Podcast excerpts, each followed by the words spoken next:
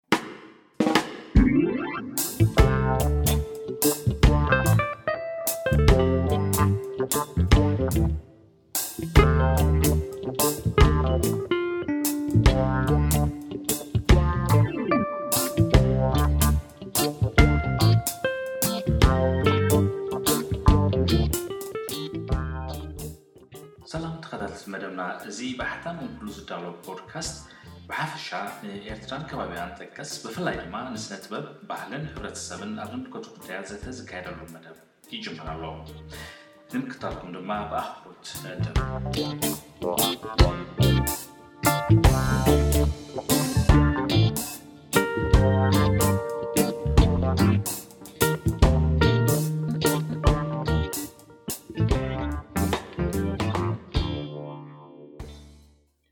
ሰላም ተኸታተልቲ ናይዚ ብእንኩሉ እናተዳሎ ዝቐርብ ናይ ፖድካስት ፕሮግራም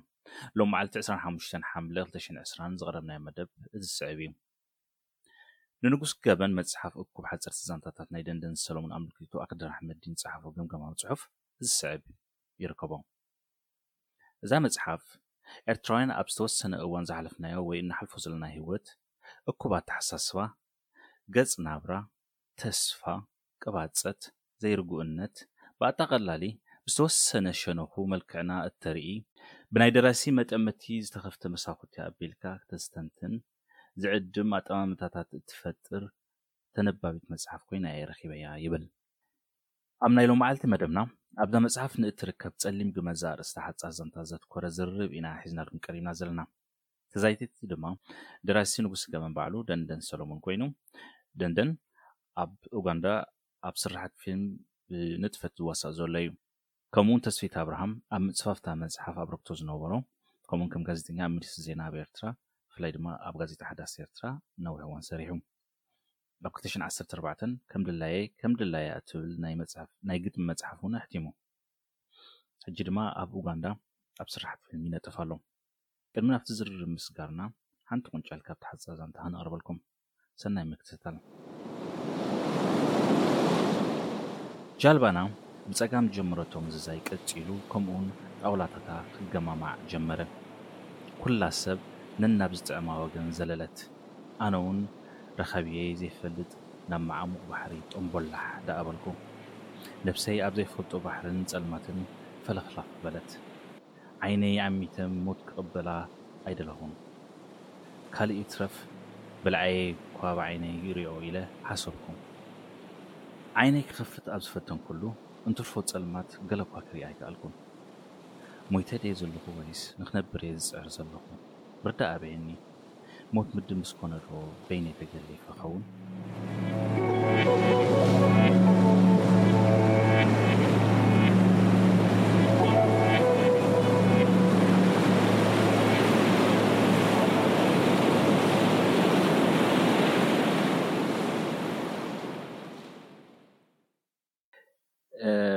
ብተስፊት ክጅምር ተስፊት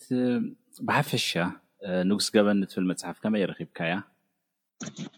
እቲ ንጉስ ገበን ሓፀርቲ ዛንታታት ኩለን እተን ዓሰርተ ሓፀርቲ ዛንታታት ብእኩብ ክንሪኤን ከለና ናይ ሓደ መንእሰይ ተመክሮ ሂወት ኣብ ኣብቲ ዝነብረሉ ዝነበረ ከባብን ስጋብ ግዜ ስደትን ዘሎ እያ ተንጸባርቕ። ኩለን እተን ዛንታታት ተርእይናየን ከኣ ናይቲ ህሉው ኩነታት ናይቲ መንእሰይ ከንጸባርቓ ኢና ንርኢ ገለ ማለት እዩ። ብምልእን ማለት እዩ ካብታ ቀዳመይቲ ዘላ ዛንታ ስጋብ እታ ጸሊም ግመ ትብል ብምልእን ናይ ሓደ መንእሰይ ነጸብራቕ ህይወቱ ገለ እየን ክሳብ እቲ ናይ ስደት እዋን ገለ ማለት እዩ ኣብቲ ናይ ዋላ ውን ኣብቲ ናይ ኣገልግሎት ዝነበረሉ ግዜ ዋላ ውን ምስጋና ኣብ ምስጋና ኣብ መምህር ኮይኑ ገለ ዘብለሉ ኩለን ተተሓሒዘን ናይ ስደት ጉዕዞ ካብ ኤርትራ ስጋብ ኤውሮጳ ዘሎ ሸፊነን ዘለዋ'የን። ኣብቲ ኣዛናትዋ ከኣ ክስታይ ኩለን ካብ ቅድሚት ንድሕሪት ብምምላስ ሽዑ'ቲ ናይ መፈጸምታ ገለ and ሓደ ዓይነት ቅዲ ወይ style ዝተኸተላ ከኣ ኣይኮናን። ገሊኤን ትዊስት ኢንድ ክኾና ይኽእላ እየን፣ ገሊኤን ፐንሲቭ ኢንዲን ወይ ሀርት ብሬክ ዝገብረካ ዛንታታት እውን ኣለዋ ገለ ሕጂ ዝተፈላለያ ክስተ እየን ግን ብሓፈሻ ክንሪኦ ከለና ናይ ሂወት ናይ ሓደ መንእሰይ እቲ ዘሎ ህልው ኩነት እቲ ዘሕልፎ መስገደል ኣብኡ ተንጸባሪቐን ንረኽበን ማለት እዩ ኣብ ነፍሲ ወከፍ ዛንታታት ከምኡ ነጸብራቕ ኢና ንርኢ ብሓፈሻ እዚኣ ነታ መጽሓፍ ክሪኣ ከለኹ ከምዚኣ እቲ ነጸብራቕ ኣብቲ መጽሓፍ ዘሎ እዚ'ዩ ዝመስል። ኦኬ ጽቡቕ። ደንደን ኣብ ከመይ ኩነታት ንዘን ሓጸርቲ ዛንታታት ጽሒፍካየን ሓፈሻዊ ዝኾነ ነጸብራቕ ትህበና? ኦኬ ቴዲ ብመጀመርታ ማለት እዩ ነዚ ዕድል ስለ ዝተፈጠረ ማለት እዩ ንዓኻ ወላ ብዓቢኻ ንተስፊት ማለት እዩ ከመስግኖ ክእል ማለት እዩ ምክንያቱ ካብቲ እታ መጽሓፍሲ ንሕትመት ካብ ዝሓሰብኩሉ ደረጃ ኣትሒዙሲ ክሳብቲ መፈጸምታ ኣብ ጎነይ ስለ ዝነበረ ማለት እዩ እቲ ምጥባዓሲ ናቱ እዩ ነይሩ ወላ ኣነ እቲ ዝበዝሕ ክፋል ይበሮ እቲ መፈፀምታ ዘብፅሓ ግን ተስፊ ስለ ዝኾነ በዚ ኣጋጣሚ ከመስግኖ ደሊ ማለት እዩ እዞም ዛንታታት መብዛሕትኦም ኣብቲ መጀመርታ ክሓስቦም ከለኹ ከባቢ ዓሰርተ ሸሞንተ ነይሮም ድሓር ተፀሚቖም እዮም ናብ ዓሰርተ ከይዶም ማለት እዩ ሕጂ እቲ ዝበዝሐ ፅሑፋት ኣብ በረኻታት ናይ ደቡብ ሱዳን ኣብ ፎልጅ ዝበሃል ኣከባቢ ኣጎሪድ ማለት እዩ እቲ ንኡስ ቦታ ዝነበርኩሉ ኣብኡ ዝተጠንሱ ኮይኖም ብድሕሪኡ ከኣ ገሊኦም ከኣ ኣብ ካምፓላ ኣብ ዝመጹ ኩሉ ዝተወልዱ እዮም። ኣብ ፌስቡክ ኣብ ዝተፈላለየ ግዜ ቀሪቦም ኔሮም። ኣብቲ መጽሓፍ ዝሓስበሉ ግዜ ከኣ ብዝያዳ ገለ በሊጾም ሃሎም ኢንሻ ኣላህ ከም ሓደ መጽሓፍ ገለ ኮይኖም ወጺኦም ክደፍሩ ማለት እዩ። እቶም ጽሑፋት ሕጂ እቲ ቀንዲ ዕላማ ነበረ ሓደ ነገር ካብ ከም ሰነድ ንክሓሰብ እየ ፅሒፈዮ እቲ ከም ሰነድ ከዓ እቲ መዓልታዊ ሂወት ማለት እዩ። እቲ መዓልታዊ ሂወት ክኾን ከሎ ከዓ እቲ ሕማቅን ፅቡቅን እቲ ቀርጨብጨብ ናይ ሂወትን እቲ ቆይቓ ናይ ሂወትን ዘስዓቦ ውፅኢት እዮም እዞም ኩሎም ማለት እዩ ክብል እደፍር ኣነ። ሕጂ እቲ ዝዓበየ ነገር እቲ ምስ ካብ ነብሰይ ኣትሒዝካ ሲ እቲ ኣብ ሂወት ዝነበረኒ ዘይምስምማዓት እቲ ማለት ኣብይ ዋላ ኣብቲ ከባቢየይ ኣብቲ ምሳይ ብቀረባ ዝረኸቡ ዝነበርኩ ሰባት ናቶም ውጽኢቱ እቲ ኣባይ ዝነበረ ኣብ ናይ ሰባት ተዝኸውን ኢለ ዝፈተንኮም እቲ ኣብ ሰባት ነበረ ከዓ እንታይ መልሲ ከምፅእ ይኽእሉ ዝተባሃለ ሕቶትን መልስን ዛዕባታት ዘጣመሩ እዮም እቲ ውፅኢቱ ናብ ሓፂር ዛንታ ከም መፅሓፍ ኮይኑ ክወፅእ ክኽእል ይኽእል ነበር። ተስፊት ምስ ምስታ ቀደሚት ሕቶ ተኣሳሰር ጉዕዞ ሂወት ሓደ መንእሰይ ክውክላ ክእል ኣየን ኢልካኒ ኣለካ ተን ዛንታታት ናይዚ ንኡስ ወለዶ ኤርትራዊ ንኡስ ወለዶ ከ ኣብኡ ከመይ ተንጸባሪቑ ትብል ያእ ንሱ ንሱ እንድዩ እቲ ቀንዲ ክስታይ ኣብዚ ሕጂ ዘሎ እሞ ከኣኒ ገለ ዋላ ኣብቲ ኩሉ እቲ ኣብ ዋላ ኣብቲ ፎልጅ ዝብሃል ቦታ ናይ ሳውዝ ሱዳን ደንደን ኣብኡ ኔሩ ኣነ ከኣ ኣብኡ ኔረ ምምሕዳርን ፋይናንስን ናይ ሓደ ጨንፈር ኣብቲ ትካል ኣብ ሓደ ትካል ገለ ኔርና ሕጂ ዋላ እቲ ክጽሕፎም ከሎ ገለሲ ኣብ ፈይስቡክ ፈለማ ምስ መጸ ኣብኡ ይጽሕፈሉ ገለ ኔረ እቲ ከምዚታት ሲ እቲ ከምዚ ገለ ገለ ሕጂ እቲ ናቱ ሂወት እዩ እቶም ኣብኡ ዘለዉ ምስኦም ኣብኡ ኣብቲ ከባቢኡ ዘለዉ ሂወት ገለ እዩ ገሊኦም ኣብኡ ምሳና ዝሰርሑ ዝነበሩ ብባሕሪ ምስ ከዱ ዘጋጥሞም ሂወት እዩ ገሊኦም ኣብ ኣስመራ ዋላ ሓደ ኣብ ኣስመራ ወይ ኣብ ካልእ ከባቢታት ተማሃሮ ገለ ናይ ስኩል ላይፍ ገለ ጥራይ ዝፈልጡ ሂወት ከም ኣብ ገሊኡ ጽሑፋት ትረኽቦ ኢኻ ናይ ምሕሻሽ ባህሪ ዝነበሮም ተምሃሮ ገለ ኣቢሎም ምስ ሰገሩ ሽዕ እዮም ትርጉም ህይወት ገለ ከለልይዋ ዝፍትኑ ገለ ኣብ ገሊኡ ጽሑፋት ገለ ኣሎ ከምኡ ሕጂ እቲ ስደት ምስ ጀመሩ ገለሲ ኣብኡ ኣብኡ ተንብቦም ኢኻ ብምልኦም ነቶም መንእሰያት ገለ ማለት እዩ። እቲ ናይ መንእሰያት ዘሕልፎ ህይወት ሓደ መንእሰይ ካብ ቦታ ናብ ቦታ ዝንቀሳቐስ ከሎ ኣብ መዓስከራት ምስ ከደ ዋላ ሓደ ነገር ከም ዘይብሉ ዋላ ስድርኡ ዋላ ሓደ ነገር ከም ዘይብሉ ከመይ ጌሩ ነቲ ብድሆ ሰጊሩ ካብ ኢትዮጵያ ናብ ሱዳን ካብ ሱዳን ንባሕሪ ሳራታት ገለ ከመይ ጌሩ የብሎ ገለ ኣብ መዓት ስራሓት ገለ እንዳተዋፈሩ ዘሕልፍዎ ሂወት ገለ መዓት መስገደላት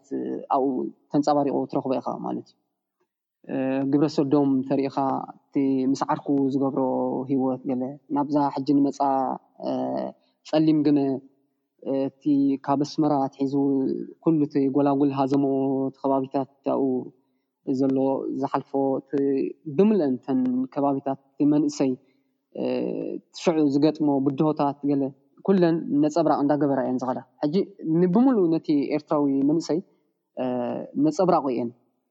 ንኹሉ ማለት ግን ኣይኮነን። ነቲ ቴስዓ ሚእታዊት ግን ነጸብራቑ ክኾና ይኽእላ እየን። ብምልኦን እተን ቃንዛታቱ እተን ክስታዩ ገለ ብምልእን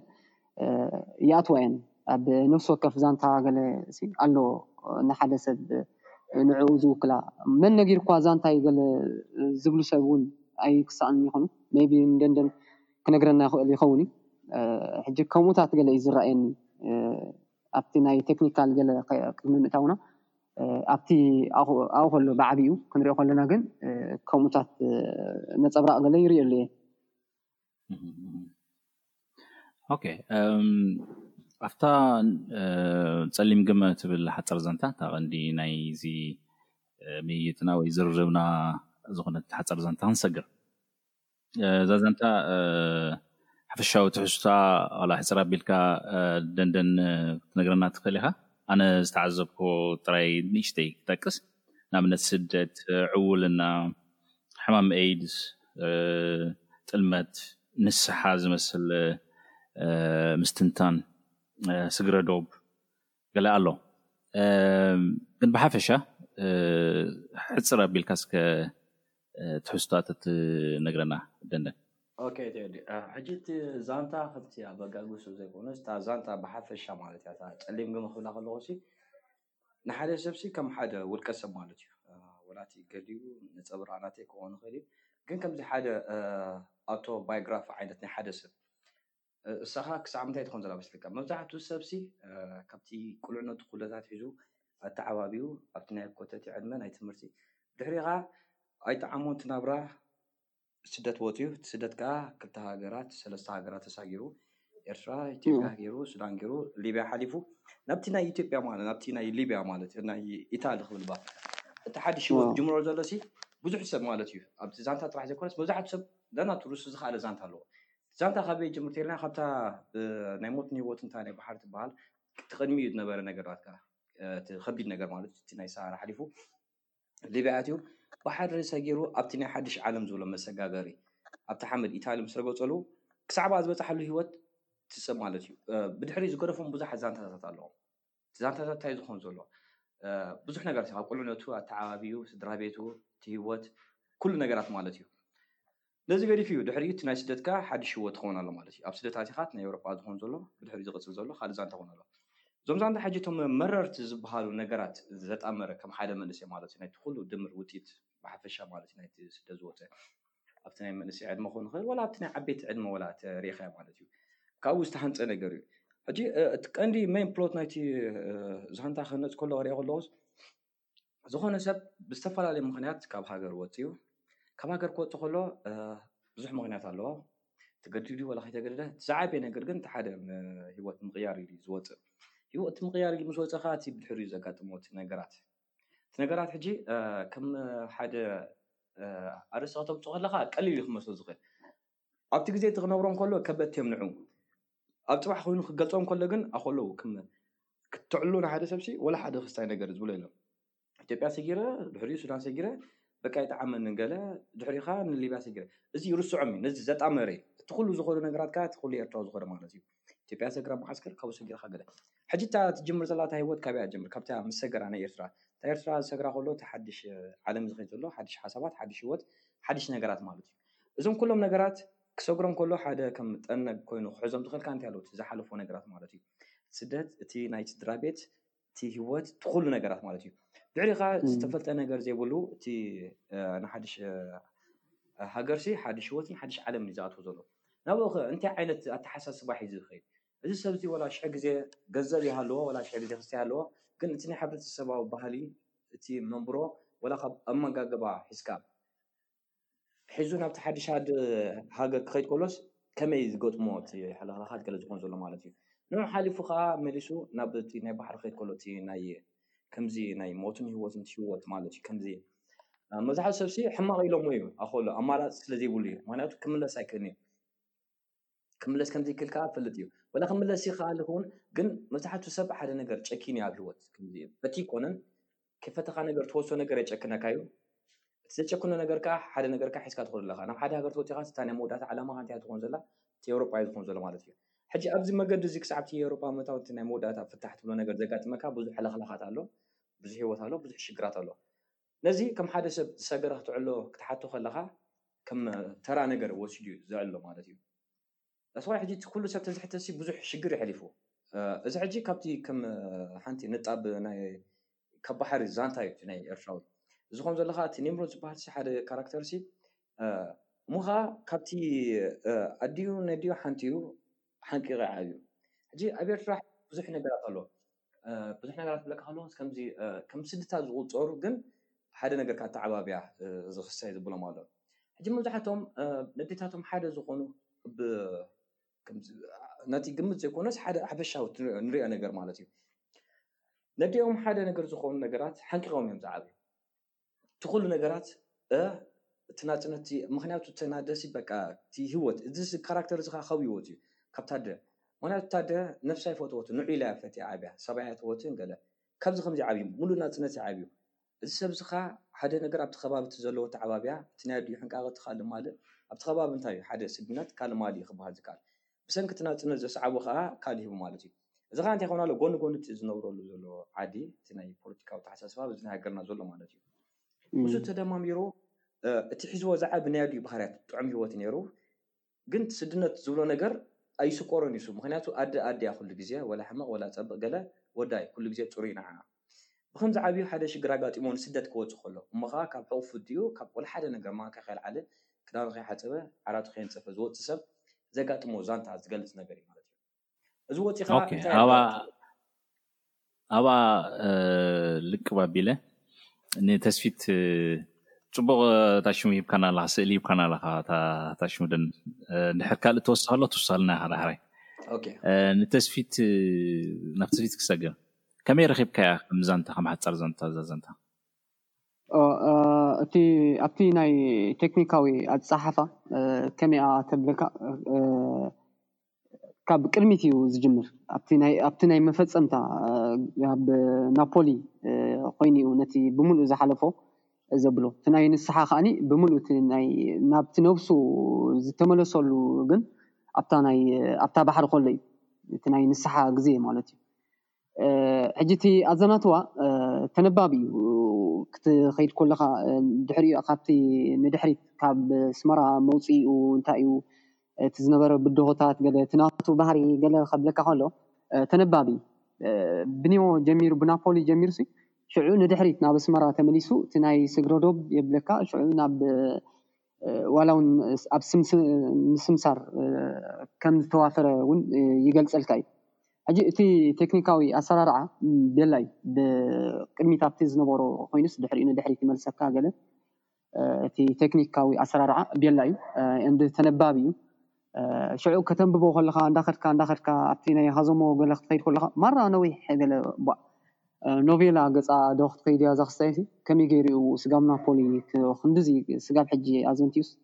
ገለ ትብል ግን ኣይስልችወካን እዩ ከኣ ሕጂ ትኸይድ ትኸይድ ዳሕራይ ግን ኣብ እታ ኢትዮጵያ ምስ ከደ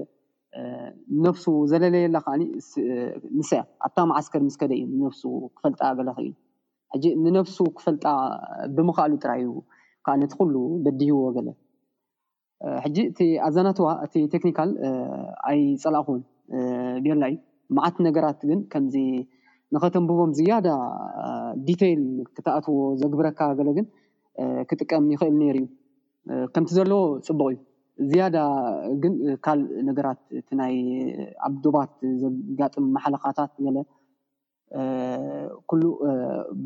ጽቡቕ ጌሩ ዲተይል ክትንትኖ ክኽእል ኔሩ እዩ። እቲ ናይ ሳህራታት ገለ ከኣኒ ከምኡታት ብዙሕ ዛንታታት ገለ ወላ ሰባት ዝሰደዱለይ ኔሩ ገለ መዓት ኣብኡ ከኣ ክእትዎ ገለ ክኽእል ኔሩ እዩ። ኣብቲ ናይ ሳህራ ዝነበረ ኣብ ሓንቲ ፈተነ ዝገጠመቶ ውን እቲ ናይ ኣዲኡን ናይተን ኩለን ሄዋናት ዝገበሮ ግፍዕን ከይወርደኒ ኢሉ ዝንስሖ ገለ ከኣ ኣሎ ብጀካ እቲ ናይ ቅድሚ ባሕሪ እቲ ናይ ዝኸፍኣ ንስሓ ዝነበረ ገለ ማለት እዩ ሕጂ ብምልእን ብምጥቕላል እንተሪኢናዮ ኣብቲ ኣዛናትዋ ጽቡቕ እዩ ምስ ተርእስቱ ደሚርካ ገለ ሽዑብቲ ፍኒሽን ከኣ ቤላ እዩ ከምዚ ትዊስት ገለ ኣይኮነን ፐንሲቭ ገለ እዩ ፐንሲቭ ኢንጂን እዩ ከምዚ ልብኻ ዝትንክፍ ገለ እዩ ሕጂ እቲ ናቱ ክስታይ ኩነተ ኣእምሮ ገለ ናይቲ ኣዘንታዊ ይረኣየካ ገለ እዩ። ሕጂ ብምልእን እተን ክስተያት ዋላ እታ እቲ ኣብቲ ባሕሪ ዘጋጠመ ኩሉ ህሞታት ገለ እቲ ኣብኡ ዘሎ ሓደ ሞባእ ዝኾነሎም እቲ ጸልዊ ገለ ዝብሎም ገለ ሕጂ ንሱታት ኣብኡ ብፍላይ ኣብቲ ናይ ንስሓ ኣብቲ ናይ ባሕሪ ገለ ምስ ኣበልካ ኩሉ እዩ ዝረኣየካ ዋላ ታይታኒክ ክትረኣየካ ገለ ትኽእል እያ እቲ ጭልፍላፍ ሽዑ እታ ንእሽተይ ክስታይ ተሰቒለ እቲ ሰብኣይ ዝጽልየልና ዝነበረ ሂቡኒ ገለ ዝብለካ ሕጂ ከምኡ ገለ ቢልካ ምስ ወጸ ሽዑ ነታ ጋል እንታይ ኢልዋ ክከውን ገለ ናቱ ገለ ሕጂ እቲ ፈለማ እቲ ካራክተር ኣብኡ ዘሎ ግን ክፈርሕ ምስ ጀመረ እዩ ሂወት ኣለልይዋ ኮይኑ ዝስማዓኒ ገለ ማለት ብምልኡ እቲ ናቱ ዝነበረ ሕማቅ ተግባራት ገለ ኣብቲ ጉዕዞ እዩ ዝንስሖ ገለ ልክዕ ከምዚ ናይ The Alchemist ምሽ ኣሎ'ቲ ንህይወቱ ገለ ዝረኽባ፣ ንሱ ከኣ ነቲ ኩሉ ክፋኣቱ ጠባዩ ገለሲ ከለልዮ ዝኸኣለስ ኣብቲ ናይ ጉዕዞ ስደት ገለ እዩ። ሕጂ ንሱ እቲ ኣናዳድቓ ገለ እንዳተጓዓዘ ዝያዳ እንዳተማሃረ ገለ እዩ ዝኸይድ ኔሩ። ሕጂ ምስ ከምኡ ገለ ትጽላእ ገለ ኣይኮነትን ጽብቕቲ እያ ብፍላይ እቲ ኣርእስታ ገለ ዳሕራይ ክንመጾ ኢና ኣብቲ ብኸመይ ተቢሉ ገለ ሕጂ ብሓፈሻ ክሪኣ ከለኹ ከምዚ ኮይና ትስምዓኒ ኣብቲ ቴክኒካል ኣይጸላእኩዎን ቤላ። ኦኬ ጽቡቕ ንኣብነት ቶኒ ሞሪሰን ኣብ ሓደ ቃለ መጠይቕ እንታይ ትብል ንተምሃሮ ክምህሮም ከለኹ ሲ ብዙሕ እዋን ክሬቲቭ ራይቲንግ እንዳፀሓፈት እንዲ እንዳማሃረት እንዲ እንታይ ትብሎም ከምዚ ክበሃል ሰሚዕኹም ትኾኑ እዮም ብዛዕባ ትፈልጥዎ ጥራይ ፀሓፉ ክብልኹም ሰባት ሰሚዕኹም ትኾኑ ግን ከምኡ ይትግበሩ ብዛዕባ ዘይትፈልጥዎ ክትፅሕፉ ፈትኑ ንኣብነት ዘይትፈልጥዎ ሓንቲ ሜክሲካዊት ኣምፂኹም እንግሊዝኛ ዘይትዛረብ ኣምፂኹም ብዛዕባ እስከ ፀሓፉ ኢለዮም ሲ ደይተኣደነ ኢማጂነሽን ደይተኣደነ ምሻሎ ፈጠራ ኣርእዮሙኒ ትብል ናብ ደንደን እየ ሕጂ ኣነ ፈልጤ ከም ባሕሪ ከምዘይተጓዓዝካ ሳራ ከምዘይተጓዓዝካ መበገሲ እዚኣ ዛንታ ብፍላይ ናይ እዚኣ ከመይ ነይሩ ከምታይ ተበጊስካ ፅሒፍካ ፅቡቅ ሓሳብ እዩ ሕጂ ከምቲ መብዛሕትኡ ኣብቲ ናይ ከም ሓደ ኣጭር ዛንታ ክሓስባ ከለኹ ወላ እታ ዝበልካያ ማለት እዩ በቲ ትፈልጦ ጸሓፍ ክበሃል ከሎሲ በቲ መብዛሕትኡ ሰብ በቲ ዝፈልጦ ክጽሕፍ ከሎ በቲ ውድቀታት እዩ ስለ ዝፈልጦ ማለት እዩ እቲ ዘንብባ ነገር ስለ ዝፈልጥ ማለት እዩ ሕጂ ከም ካራክተር ክሪኦ ከለኹ ኣነ እቲ ኒምሮድ ዝበሃል ካራክተር ማለት እዩ ካብ ኣተዓባብዩ ከመይ ነይሩ ኣተዓባብዩ ጸልዎ ዶ ኣይጸልዎ ኣብዚ ኸይድ ይሓስብ ነይረ ማለት እዩ ምክንያቱ እቲ ህይወት ከመይ ንዑ ሓደ ሰብ ከም ሰዲኡ ሓንቂቑ ሕጂ ትዕብዮ ነገር ከመይ ክኾን ሕጂ ሰብ እዚ ወላ ሓንቲ ልዕሊ ማንም ውትድራምጻ ልዕሊ ማንም ይገፈፍ የብል ገለ ኣዲኣ ክትበጽሖ ትኽእል ኣዲኣ ክተብሎ ትኽእል ሕጂ እዛ ኣዲኡ ምክንያቱ እሱ እዩ ሓደ ምንባራ ንሱ እዩ ሓደ ወዳ ድሕሪኡ ካልኣይ ሰብኣይ ከይትወጽ ኢላ በቃ ከምዚ መኒና ገለ ዘዕቤቶ ውላድ እዩ ከምኡ ምስ ምዃኑ ከኣ እቲ ሰብ እቲ ከኣ ናይ ኣዲኡ ጻማ ይኸፍል ኣሎ። ሕጂ ብዙሕ ነገራት ኣሎ ማለት እዩ። ሕጂ እቲ ካልኣይ እቲ ኣከባቢ ማለት እዩ። ሕጂ እቲ ከባቢ ክብል ከለኹ እሱ ሕጂ ካብቲ ከባቢ ሲ ሓደ ሓደ ፐርሰንት እየ ሒዘ ዘለኹ ማለት እዩ። እቲ ከባቢ እቲ ዜሮ ሸውዓተ ዝበሃል እቲ ዝዓበየሉ ገለ ነገር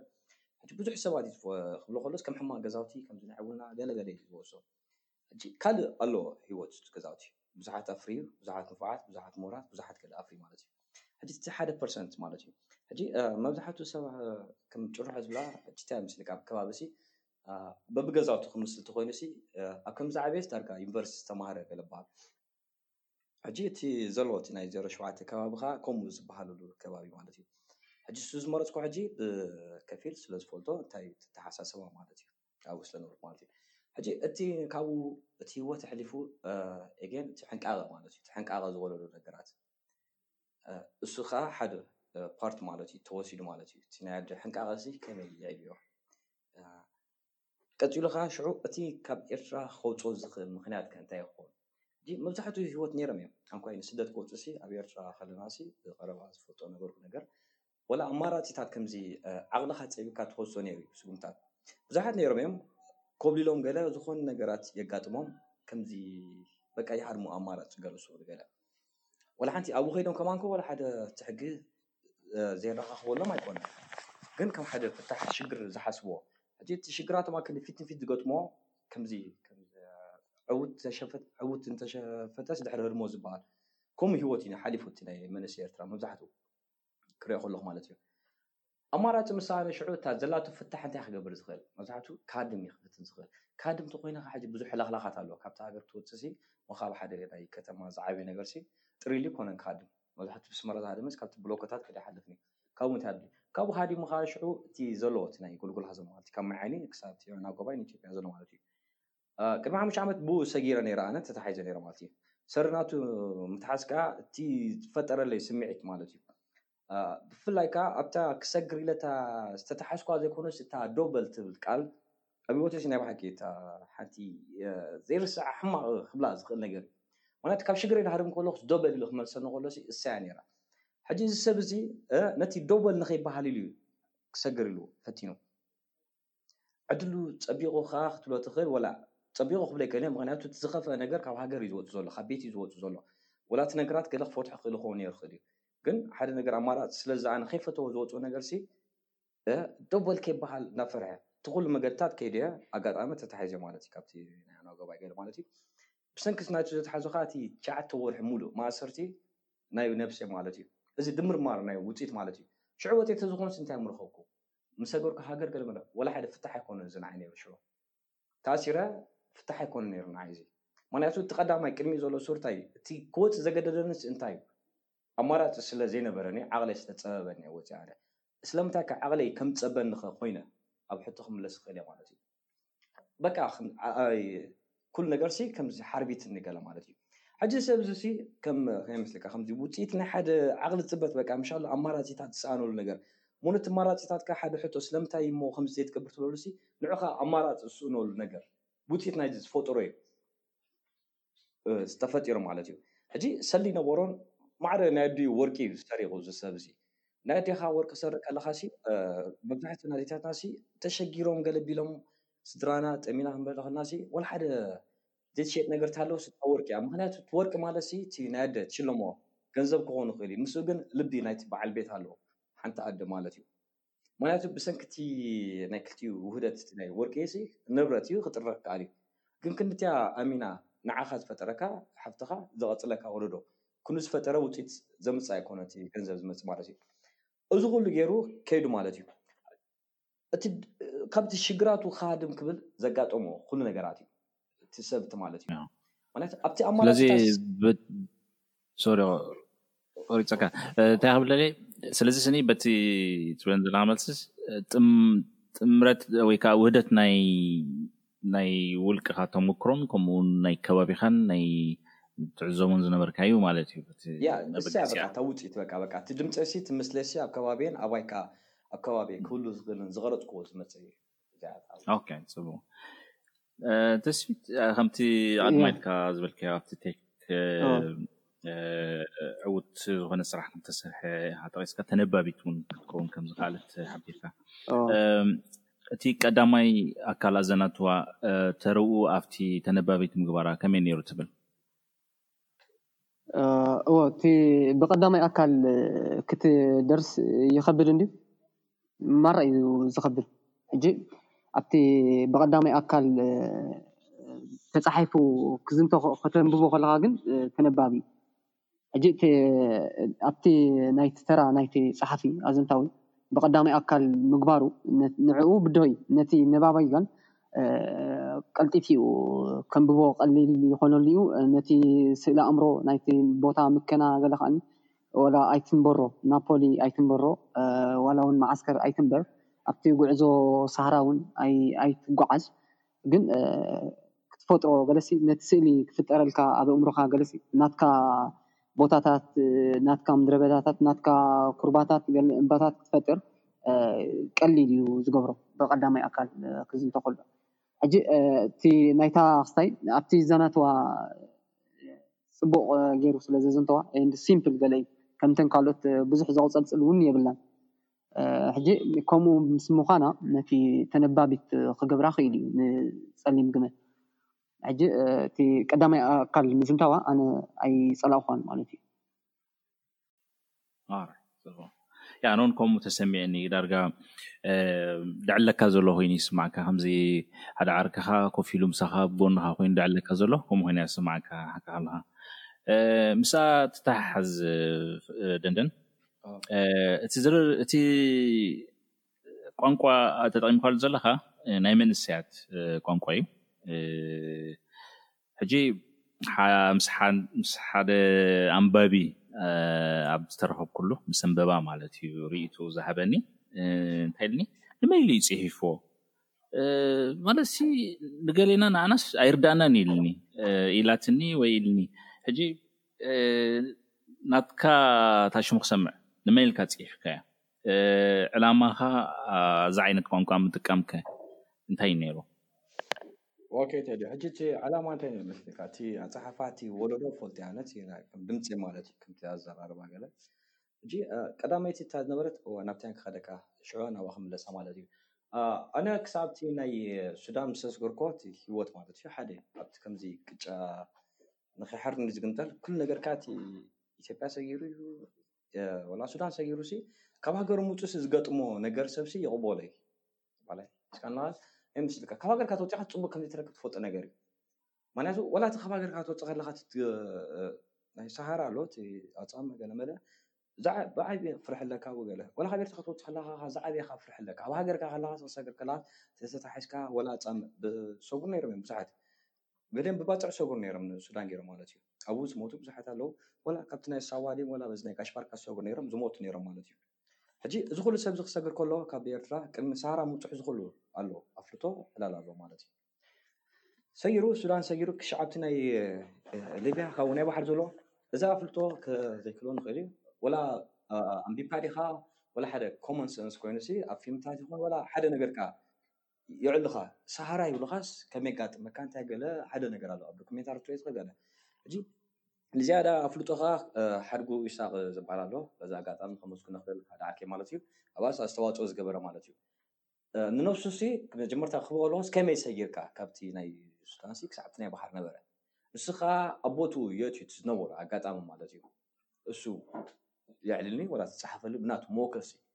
ተወሲኹ ዝተጻሕፈ ማለት እዩ። ሕጂ እቲ ናቱ መወከሲ እቲ ናቱ ፍርሒ እቲ ናቱ ክስታይ ንዑ ክኸውን ይኽእል እዩ ወላ ንገሊኻ ኣብ ሓደ ኣጋጣሚ ነይሮም ወላ ዘይክኸውን ይኽእል እዩ። ከምዚ ስምዒት ናይ ሰባት ይፈላለ እዩ ከምቲ መልክዕና ከምቲ ሕብርና ማለት እዩ። ሕጂ እዛ ፍርሒ እዚኣ እዛ ስምዒት እዚኣ ከም ኩሉ ሰብ ክሰግር ከለዎ ፈሪሓ ክብለካ እዩ ክፈርሕ እዩ ወላ ሓንቲ እንታይ ኣጋጢሙኻ ወላ ብ ሓንቲ ኣጋጢሞም እቲ ሓደ ሰብ ክጸግብ ይኽእል እዩ ተስፋ ገይሩ እቲ ሓደ ነገር ከኣ ክጠሚ ይኽእል እዩ ወላ ሓደ ነገር ዘይለመዶ ክኸውን ይኽእል እዩ። ኣብዚታት ሕጂ ነዚ ክልቲኡ ዘጣመረ ነገር ስለ ዝኾነ እያ ተፈጢራ ማለት እያ። እታ ናይ ባሕሪ ብምልኣ እታ ስምዒት ከመይ ነይሩ? እታ ቀዳመይቲ ዝግደሰላ ነበርኩ ነገር ከኣ እንታይ እያ? ኣብቲ ናይ ባሕሪሲ ሓደ ሰብሲ ከመይ ይስምዖ? ምኽንያቱስ ኣብኡሲ እንታይ ይርኣዮ ሓደ ነገር ዝሓስቦ ነገር ኣሎ። ክምዚ መዓልቲ ሞትካ ሰር ደነገርሲ ክልተ መዓልቲ ትሞት ኢሎምኻ ከም ሓደ ወላ ካንሰር ወላ ክልተ መዓልቲ ተሪፍካ ኣሎ ክትነብር ክትመውት ኢሎምኻሲ እንታይ ክትገብር ትኽእል ዝብል ሕቶ ተልዒልካ ሰብሲ ብዙሕ ነገራት ክብሎ ዝኽእል ነገር ኣሎ እዚ ኸኣ ዝዓበየ ነገር ተበግሶ ኣሎ ሽዑ ኣብቲ ናይ ባሕሪ ክትሰግር ከሎ ብዘይ ድሌትካ ኸኣ እቲ ዝፈጥሮ ነገራት ካብኡ ዝተወለደዩ ንዑ ከኣ ንዝያዳ መወከሲ ሰበኻ ከም ዝወከኻ ንሓድጉ ኢሳቅ ዝባሃል ኣሎ ተሓካይ ንሱ እዩ ብኡ ስለ ዝሓለፈ ሕጂ ኤውሮጳ እዩ ዘሎ ማለት እዩ ከመይ ተሰሚዕዎ እንታይ ኔርዎ ገለ ናቱ መወከሲታት ዘጣመረት እያ ተጻሒፋ ማለት እያ ታሪክ በሓር ሕጂ እቲ እቲ ኣብቲ ቋንቋ በልኳ ኣይመለስካለይ ቋንቋ ቋንቋ እታ ቋንቋ ናይ መንእሰያት ቋንቋ ምጥቃምካ ንገለ ሰባት ዘይ እንተሎ ዘይተረዳኣና ኣለና ገለ ዝበሉኒ ኣለዉ ንምንታይ ዕላማ ኢዩ ጺሒፎ ንመን ኢሉ ኢዩ ጺሒፎ ኢሎምኒ ኣብዚ እንታይ ትብል። ኦኬ ኣቡ ኣብዚኣ ከኣ ታይ መስለካ ከምዚ እቲ ዝዓበየ ነገር በቲ ተጻሒፉ ዘሎ እቲ ኣንባባይ በብናቱ ስሚዒት ክፈርዶ ይክእል ብዝብል ሓሳብ ስለ ዝበልኩ ኢየ ማለት ኢዩ ኣብ ባህርያሲ ከምዚ ኣብ ኣስመራ ዝዓበየት ካራክተር ኣስመራ ኢያ ካራክተር ኣብ ኣስመራ ኮይነ ከኣ ኣብቲ ባህሪ ሸውዓተ ዝርከብ ኢዩ ኣስመራ በስመሮካ ካብ ጫፍ ንጫፍ ሰምበል ይኩን ኣክርያ ዝኩንስ ነናቶም ቋንቋን ላሃጃን ኣለዎም ኣተሓሳስባን ኣዘራርባን ማለት ኢዩ እቲ ካራክተር ከኣ ኣብቲ ናይ ኣባ ሻውል ዝበሃል ከባቢ ኣብኡ ዝዓበየ ኮይኑ ዝኸደ ማለት እዩ። ሕጂ ኣብቲ ናይ ቋንቋ ዘይኮነ ሕጂ እቲ ናይ መብዛሕቱ እቲ ዛንታ እቲ ዓሰርተ ሽዱሽተ ፔጅ ዝኾን ማለት እዩ። እታ ዛንታሲ እዛ ጸሊም ጎማ ክሳብ ሚእትን ዓሰርተ ሓደን ክሳብ ሚእትን ዒስራን ሸውዓተን እያ ዘላ። ብምሉኡሲ ነጸብራቕ ናይ ሓደ ናይ ዓቕሊ ጽበታዊ ትረኻ እዩ። ቀዳማይ ኣካል ኮይኑሲ በት ካንጾ ከለኹ ማለት እዩ ኣነ እትዛራርቡ ገለሲ በቃ ነቲ ዓቕሊ ጽበታዊ እዩ ዝዛረቦ ነበር እቲ ትረኻ ናቱሲ ብኸምኡ ኮይነ ካንጾ ዝፍት ነረ ምክንያቱ እቲ ቋንቋ ኣብቲ ናይ ኣባሻውል ክዓብሎ እሱ ገሊእ ሰብ ዘይፈልጦ ክህሎ ይኽእል እዩ ክሕድሾ ይኽእል ይኸውን እዩ ግን ኣብቲ ከባቢ እቲ ዜሮ ሸውዓተ ዝበሃል ወላ ሓንቲ ኣብኡ ስለ ዝዓበኹ ማለት እዩ። ኣብ ውሽጢ ሓደ ገዛውቲ ስለ ዝኾንኩ ትፈልጦ እያ እቲ ከባቢ እቲ ላህጃ እቲ ገለ ሕጂ ንገሊኡ ሰብ ወላ ዘይርድኦ ክህሉ ይኽእል እዩ ከም ትርጉም እንታይ ኣብላሎ ሲ ኣብ ታሕቲ ገለ ከምኖት ገለ ክፅሕፈሉ ገለ ፅበ ነይሩ ሰብ ገለ እኳ ዝሓት ነይሮም እዚ እንታይ ማለት እዩ ገለ ከምዚ ክስታይ ገለ ሕጂ ዓረብ ድዩ ወላ ጥልያን ይብለካ ክእል እዩ ገሊኡ ሰብ እዚ ሕጂ ላህጃ ናይቲ ገዛውቲ ስለ ዝኾነ ብኡ እዩ ተሃኒጹ ምክንያቱ እቲ ካራክተር እዩ ቀዳማይ ኣካል ዝዛረብ ዘሎ እቲ ካራክተር ዝዛረብ ስለ ዘሎ ከዓ በቲ ዝፈልጦ ቋንቋ እዩ ክህነፅ ዝሓስቡ ነይሮም ማለት እዩ ዝኾነ ከም ተሪ ትግርኛ ገለስ በቲ ናይ መንእሰያዊ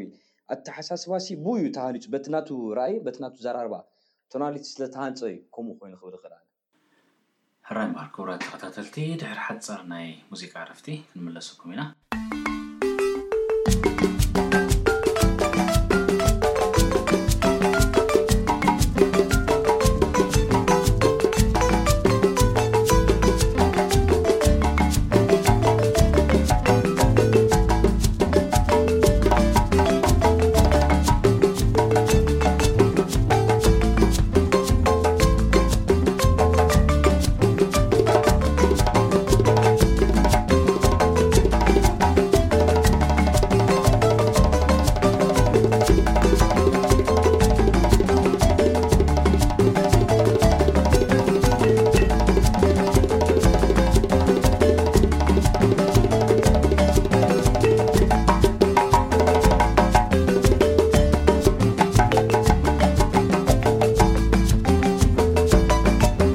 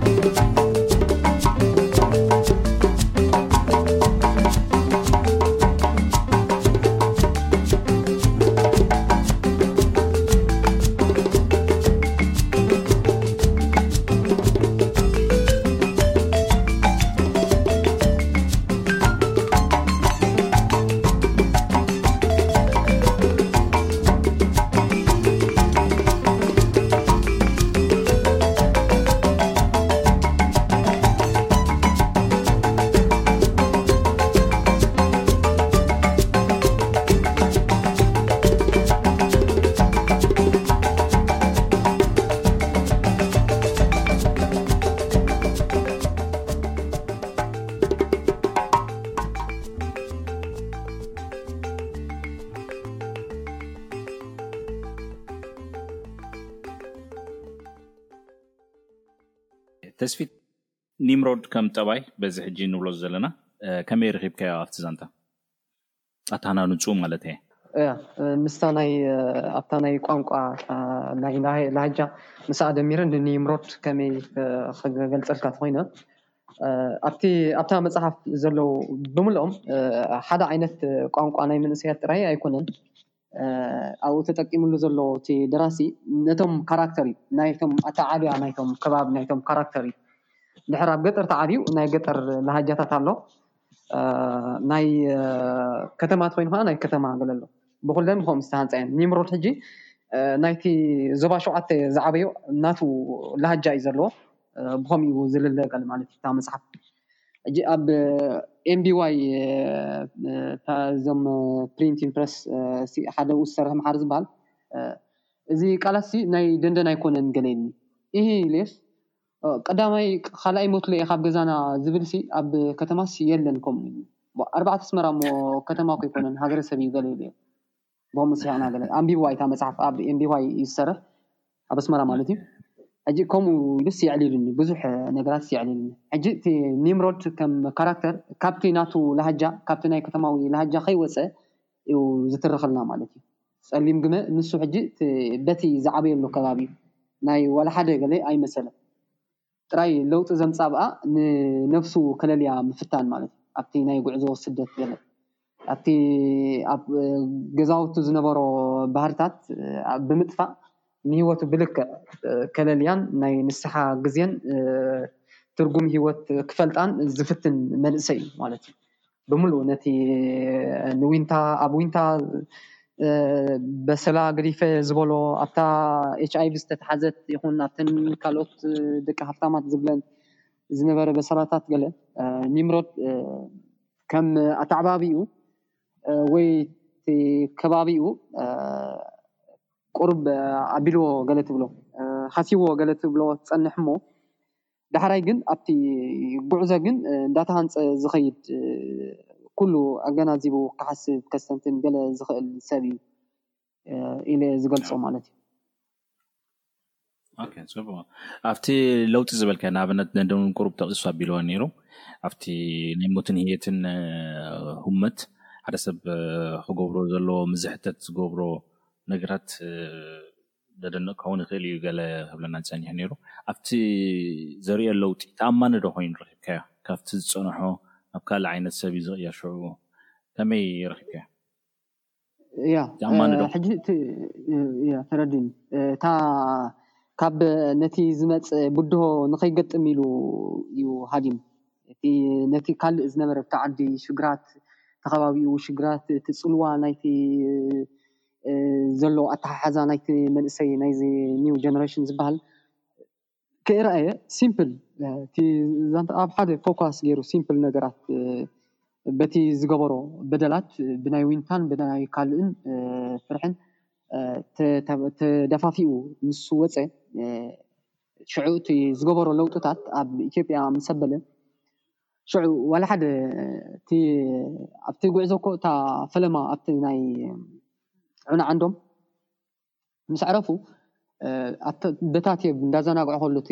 ዘስግር ሰብ ዝያዳ ካብ ዓለም ትብል ደርፊ ናይ ካሕሳይ ምስ ሰምዐ ሽዓ ከስተንትን ጀሚሩ እዩ። ሽዑ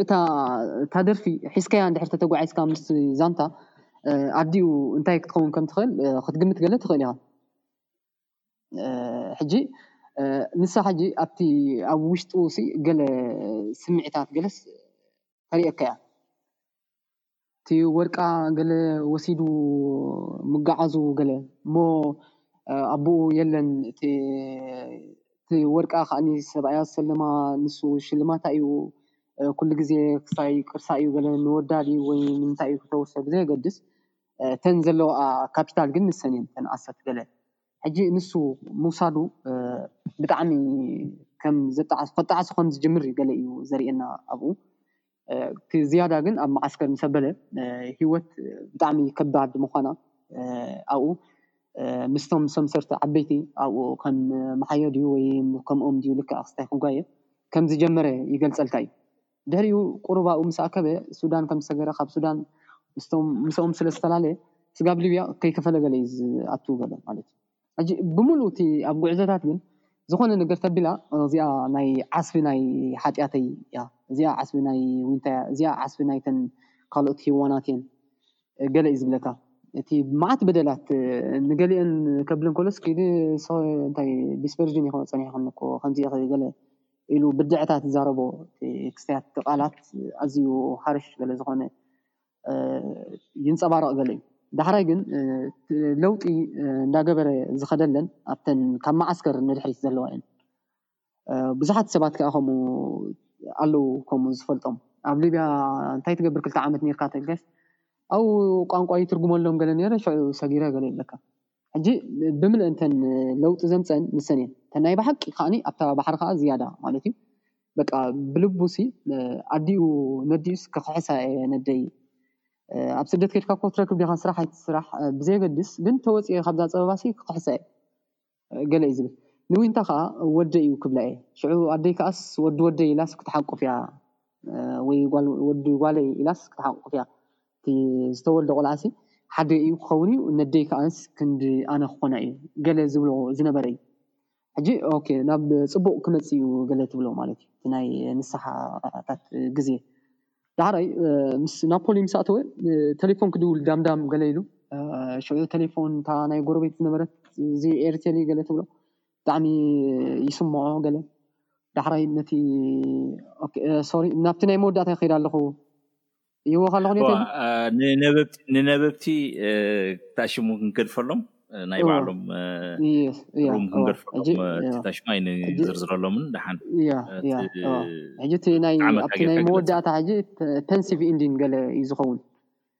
በቃ ልብኻ ዝትንክፍ ገለ እዩ ንሱ ከመይ እዩ ቢልዎ ተነባቢ ከብሎ እዩ ባዕሉ ምሰ ብለ ሕጂ ንዓይስ ከምዚ ልበይ ተንኪፍኒ እዩ ገለ እቲ ሽዑ ኣብ መወዳእታ ዝኾኖ እቲ ኩሉ ለውጢ ኣብ ሂወቱ ገለ ዝሓሰቦ ኩሉ ሃደሽደሽ ገለ ክብል ከሎ ናይ ሓደ መንእሰይ እቲ ስምብራት ገለ ይረኣየካ እዩ ሽዑ ኣብኡ ብጣዕሚ ንሱ ጥራይ ዘይኮነስ ዋላ ተነባቢ እዩ ዝትንከፍ ገለ ሽዑ ህይወት ከኣንስ ናይ ብሓቂ ከምኡ ምዃና ኣብ ክንደይ መንእሰያት ከምኡ ዓይነት ስምብራት ገዲፉ ገለ ኢልካ ሽዑ ትሓስብ ገለ ተስተንትን ገለ እቲ ወዲ ግን ናይ ብሓቂ ኣብቲ ካብ ሃገር ናብ ሃገር ዝናጠሮ ኣብቲ ምድረ በዳታት ይኹን ኣብቲ ኩርባታት ይኹን ገለ ብዓቢኡ እቲ ናይ ባሕሪ ማዕበል ገለ ነቲ ኣእምርኡ እንዳሓጸበ ብሬን ዎሽ ገይርዎ እዩ ናብ ቅኑዕ ነገር ንኸብል ክሓስብ ናብቲ ናይ ሰብ ነገር ክሓስብ ገለ ማለት እዩ ንሱ እዩ እቲ ናይ ኣብቲ ናይ ፍኒሽን ዘሎ እቲ ፈንሲቭ ኢንዲን ገለ ዝገብረካ ዘሕድረልካ ክስታይ ኣለኡ እቲ ነባቢ ከስተማቕሮ እዩ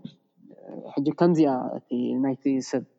ክስታያት ማለት እዩ። ናይ ብምልእን እቲ ናይ ስምብራት ኣብተን ደቂ ኣንስትዮ ዝሓደረለን ዝሓደሮ ግን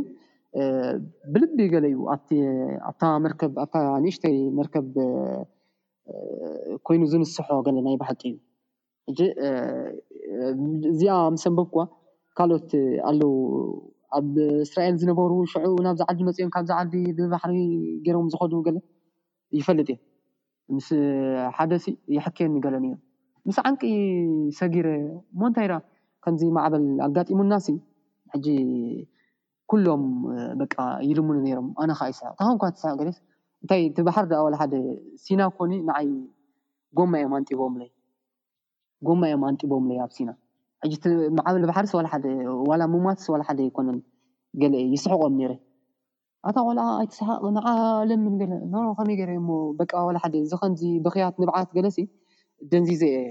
ከምዚ ኮይነ እየ ገለ ይብለካ ሕጂ ክንደይ ዓይነት ኣብታ መርከብ ኣርባዕተ ሚእቲ ዝኾኑ ኤርትራውያንን ኢትዮጵያውያንን ካልኦት ኣፍሪቃውያንን መዓት ሕብረ ብሄራትን ሕብረ ሰባትን ዘለዋ እዮም ተሰቒሎም ብምልኡ እቲ ዝልምንዎ እቲ ክስተያት ገለ ዝገብሮ ዋላ ንሱ ከኣኒ ካብቲ ዋላ ካብቲ ናይ ምጽላይ ኣብቲ ናይ ምንሳሕ እዩ ዝዕስክር ገለ እዩ ንሱ እቲ ካራክተር ኣብኡ ኒምሮድ ኣኮም እዩ ኣብ ገለ እዩ ዝጥሕል ገለ ኣብ ናይ ኣዲኡ ምስትንታን ኣብ ናይ በዓል ዊንታ ኣብ ናይ ካልኦት ምስትንታን እዩ ብዙሕ ግዜ ካብቲ ናይ ጸሎት ገለ ዝወጽእ ገለ ግን እቶም ተሪሮም ገለ ዝልምኑ ዝነበሩ እቶም ኣባ ድዮም እቶም ቀሺ ገለ ከኣ ይገልጸልካ እዩ ገለ ሕጂ እቲ ናቱ ክስታይት እቲ ናይ ንስሓስ ብልቢ ከም ዝነበረ እንዳተሰርሐ እንዳተሰርሐ ከም ዝኸደ ገለስ የብርሃልካ እዩ ማለተይ እዩ። ኦኬ ናብ ድንድን ክምለስ ውሳኔ ናይ ስግረዶብ ናይ ኒምሮድ ማለት እዩ ብሓንቲ ፍጻሜ እዩ ዝድረኽ መንእሰይ ንኣብነት ሕጂ ኣብዛ ዛንታ ዋላ ሓንቲ ኣማራፂ ደስ ድበለካ ኣማራፂ ትወስድ ከም ፀሓፊ መሰል ኣለካ እንዲ ግን ጅስት ካብኡ ውጽእ ክንብል ካብቲ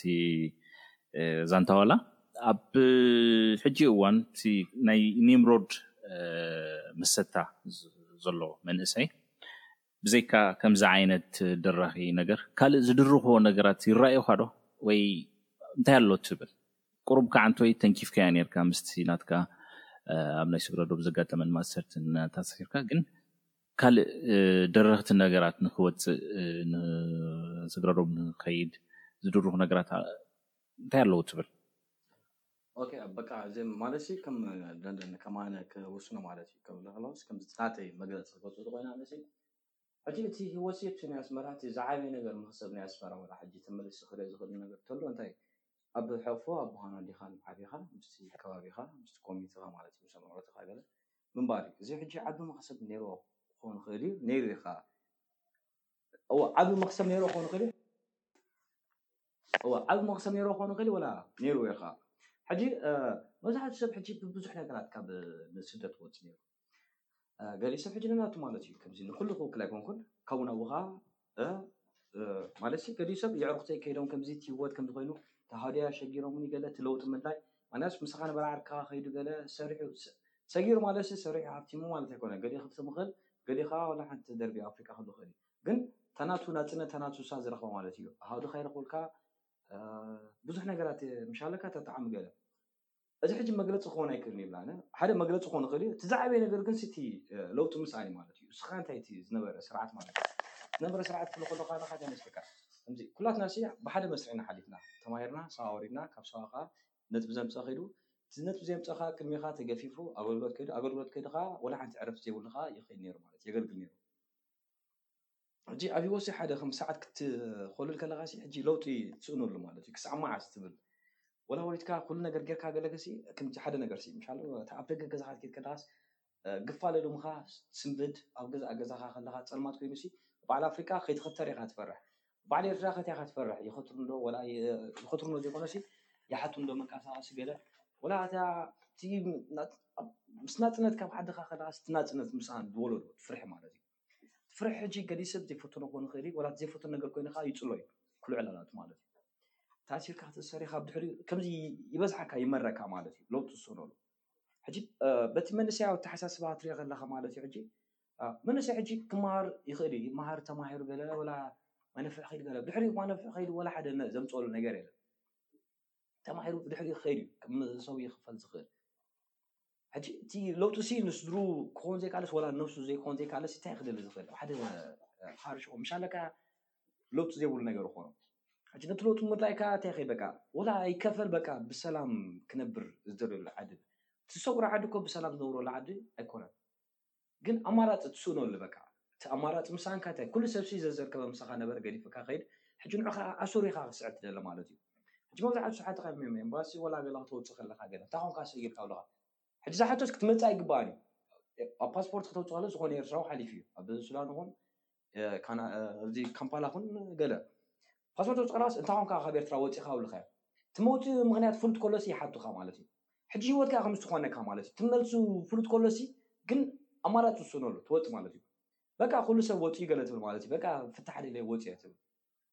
ሕጂ ኣብ ዓድኻ ክፍታሕ የለን ድዩ? እሞ እቲ ፍታሕ ከምጽእ ዝኽእል ከይዱ ምሳይ ነበረ ዓርከይ ኔርካ ዓርክኻ ኔርካ ኣብ ጎንኻ ገለ ምሳኻ ዝነበረስ ይወጽእ ትወጽእ ሕጂ ብዙሕ ነገራት እዩ ዝኸውን ዘሎ ማለት እዩ ገሊኡ ሰብ ከኣ እንታይ ክወጽእ ይኽእል በቃ ክሰርሕ ኢሉ ከኣ ክህብትም ኢሉ ክለወጥ ኢሉ ይኽእል ኣብ ኤርትራ ብዙሕ ስራሕ ገለ ዕድላት ኔሮ ገለ ግን ከስርሑ ኣይከኣሉን ይወጽእ ማለት እዩ ከይፈትዋ ተገዲዱ በፍንጭኡ ማለት እዩ ይወጽእ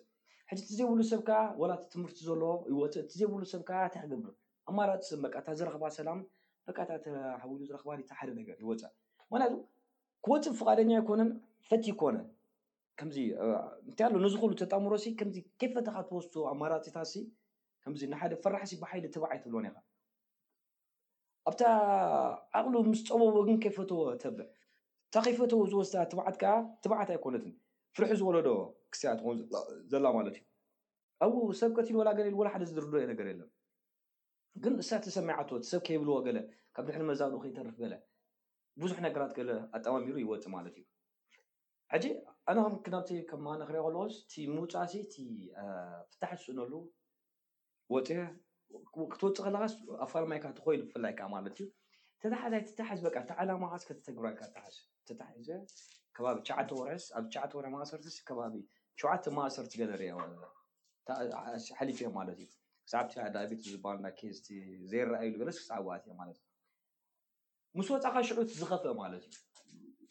ምክንያቱ ሓደ ነገር ፈቲንካዮ ነርካ ክትፍትኖ ካልኣይ ግዜ ቀሊል እዩ ግን ክሰግር ከለካ ተሓዚካ ዝተተሓዝካ ማለት እዩ ዝመፀካ ዝኸበደ ሽግር ከዓ ካልእ ዝኸበደ እዩ ምክንያቱ ኣብ ኤርትራ ቅድሚ ሕጂ ከባቢ ወርሒ ዝኸውን ከብሎም ሲ ክልተ ዓመት ገለ ዝተኣሰሩ ነይሮም ከከመሃሉ ገለ ማለት እዩ እዞም ሰባት ሲ ንስድሮኦም ክሕግዙ ኢሎም እዮም ንዕለማኻ ክትእሰር ወላ ሓደ ትቕበሎ ነገር ኢኻ እዚ ግን ከምዚ ፈራሕ ዕላማ ዓይነት ማእሰርቲ ዝኾን ዘሎ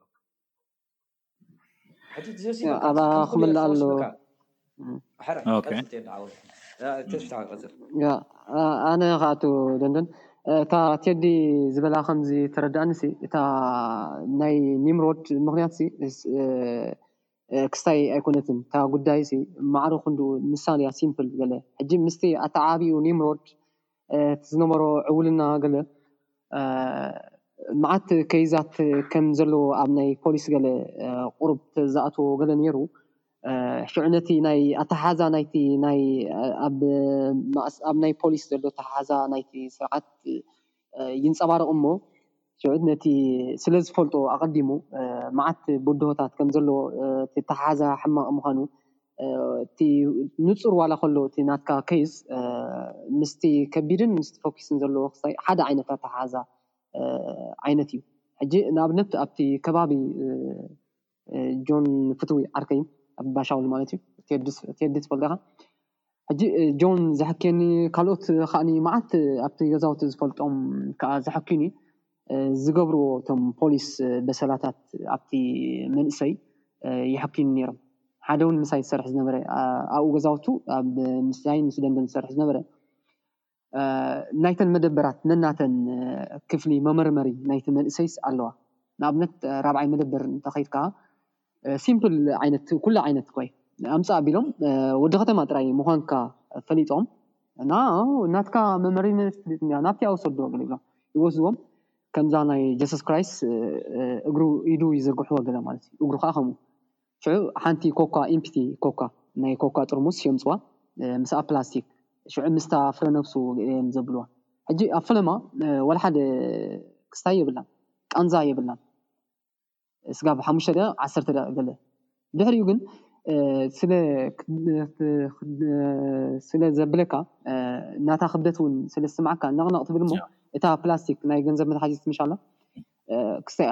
ስፕሪንግ ስለ ትገብር ነዝነዝ ክትብል ትጅምር ሽዑ ሓሙሽተ ደቂቃ ኣይትገብርን ኢኻ ክትናዘዝ በቃ ዋላ ወዲ ሓሙሽተ ዓመት ኮለኻ ተዘኪርካዮ ዓሰርተታት ኮለኻ ኩሉ ኢኻ ትናዘዝ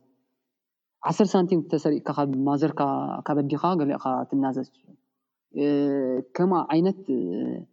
ክስታይ የላን ገለ ንምንታይ ከምኡ ይገርኹም በቃ ከተማ ጥራይ ምዕባይካሲ ሰራቂ ኢኻ ከምኡ ስለ ንበሃል መን ዝበሃል ፖሊስ ከምዚ ከምዚ ዝበሃል ፖሊስ ገለ እቲ ስም ብዘይገልጽ ሕጂ ንግደፎ ሕጂ ከምዚ ዓይነት በሰላታት ዘለዎም እዮም ሕጂ ኒምሮድ ሜይቢ እንድሕር ከምኡታት ዓይነት ምስቲ ጠባዩ ርኢኻ ፖሊስ እንዳ ፖሊስ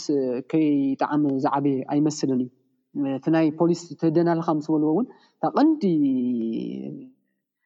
ኣጀጃ ዘህደመቶ ውን ንሳያ ሕጂ ነቲ ንኣኡታት ቁሩብ ከምዚ ክስታይ ኣብርህ ገለ ከብሎ ተዝፍትን ኔሩ ነቲ ዛንታ ዝያዳ ስፍሓት ገለ ምሃለዎ ናይ ኩላትና መስትያት ከኣ ምሓዘ ገለ ማለት እዩ ሕጂ ንሱ ኣኮምታት ሃጓፍ ኣሎ እቲ ድኹም ጎንታት ናይታ ክስታይ ከምኡ ዓይነት ማለት እዩ። ያ ወዲ ኣለኹ። ኣወ ናብኣ ነን ከምዚ ምግላጽ ኣይ ኣይትምልከትንያ ነን ምስቲ ናትካ ስለ ዝበለኒ ኣተኣሳሲሩ ቴዲ ትሓቶ ማለት እያ ኦኬ ኩሉ ኦኬ ሰብ ሲ ወዲ እንታይ ኣለኹ። ክገብር ያ ክወጽእ ስለ ዝበለኒ እየ ብኸማ መልሰሉ ሕጂ እቲ ናይ ያ ኒምሮድ ሕጂ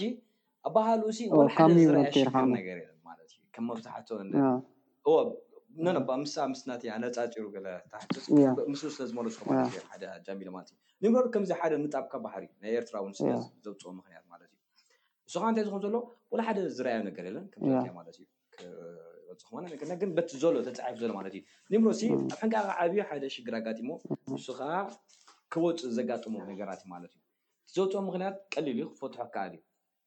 ግን በቃ እቲ ሕማቅ ዘይምርኣይ ነገር ኒምሮት እኮ ከም ኩሉ ኤርትራዊ ኣብቲ ዛንታ ተሃኒጹ ዘሎ ሲ ወላ ሓደ ሕማቅ ኣይርኣየን ኣገልግሎት ወጺኡ ይወጽን ከማን ዝተገልጸ ነገር የለን ተርዲካ ኣሎ ሕጂ እቲ ስደት ከኣ ብዙሕ ነገራት ዝፈጥሮ ነገር እዩ ምክንያቱ ክስግረዶብ ክሰግር ከሎ ተዝትእሰር ነይሩ እተን ስግረዶብ ዝእሰረን ዓመት ምፈለጠን ብድሕሪ ከኣ እታ ሽግርና ኣይቅጽልን ከኣ ዝተፈልጠ ነገር ስለ ዘሎ እዩ ዝወጽእ ዘሎ ኣብ ቋንቋ ቁሩብ ዓንቶይ ናይ ደቂ ናይ መንእሰያት ገለ ገለ ምዃኑ ኣዕሊልና ኔርና ካልእ ግን ስእላዊ ዝኾነ ነገራት ዝረኣኹ ኮይኑ ይስምዓኒ ኣብ ብዙሕ ነገራት ከምዚ ምሻሎ እተን ባህላኻ እታ እታ ሽሙ ስኒ ብዙሕ ፊግራቲቭ ስፒች ወይ እውን ከምዚ ስእላዊ ዝኾነ ኣቀማምጣ ናይ ቃላት ኣሎ ከምኡውን ምስላታት ኣሎ እቲ ምስላታት ከምዚ ናይ ዓበይቲ ዓበይቲ ዓዲ ገለ ዝጥቀምሉ ምስላታት ኣይኮነን ከምዚ ናይ መንስያት ኮይኑ ግን እንሻላ ልሙዳት ዓይነት ሓረጋት እዮም ከመይ ረኺብካዮም ተስፊት ያ እቲ ኣብ ገሊኡ እቲ ምስላታት ኣብዛ ዛንታ ጥራይ ዘይኮነ ኣብ ካልእ ብዙሓት ገሊኡ ማራ እዩ ዝበዝሕ ገለ ግን እቲ ምስላታት ናይ ብሓቂ እቲ ወዲ ከተማ ይፈልጦ ድዩ ገለ ኢልካ ትጠራጠር እሞ። ትሪኢ ካኣ ኣብ ብዙሓት ካኣ ኮፍ ኢልና እንዳዓለና ማዓት ኣለዉ ኣብዚ ምሳይ ምሳና ይጥቀምሉ እዮም ሕጂ እቲ ክስታይ እዩ ርትዓዊ እዩ ክጥቀመሉ ገለ ትብል ኢኻ ኣመና ምብዛሕ ገለ ግን እሞ ካኣ ተዳጋጋሚ እቲ ክስታይ ኣዝዮም ልሙዳት ዝውቱራት ገለ ምኻኖም ክስታይ ድኹም ጎንታት ገለ ክብል ይኽእል እዩ። እቲ ምስላታት ልዕሊ ኣርባዕተ ድየን ገለ ኣለዋ ኣብዛ ክስታይ ኣብዛ ዛንታ ጸሊም ግመ ጥራይ ማለት እዩ ሕጂ እቲ ምስላታት ገለ ግን ኣሎ ከኣ ምስላ ኣብ ሕማቅ ማይ ኣብ ዓሟቅ ዝብሃል ኣሎ ሕጂ ኣብ ሕማቅ ግዜ መዓት ምስላታት ገለ ኢካ ተምጽእ ልክዕ ከምዚ ጾሎት ኣብ ግዜ ሽግር ጾሎት ኣምላክ ገለ ትዝክር ከምኡ እዩ እቲ ምስላ ከኣ ሕጂ ብኸምኡ ኣለልዩ ድዩ እቲ ሕጂ እቲ ካራክተር ጥራይ ዘይኮነ እቲ ጸሓፊ ብቐዳማይ ኣካል ዝትርኾ ውን ክስታይ ክኸውን ይኽእል እዩ። ናይቲ ጸሓፋይ ከምኡ ዓይነት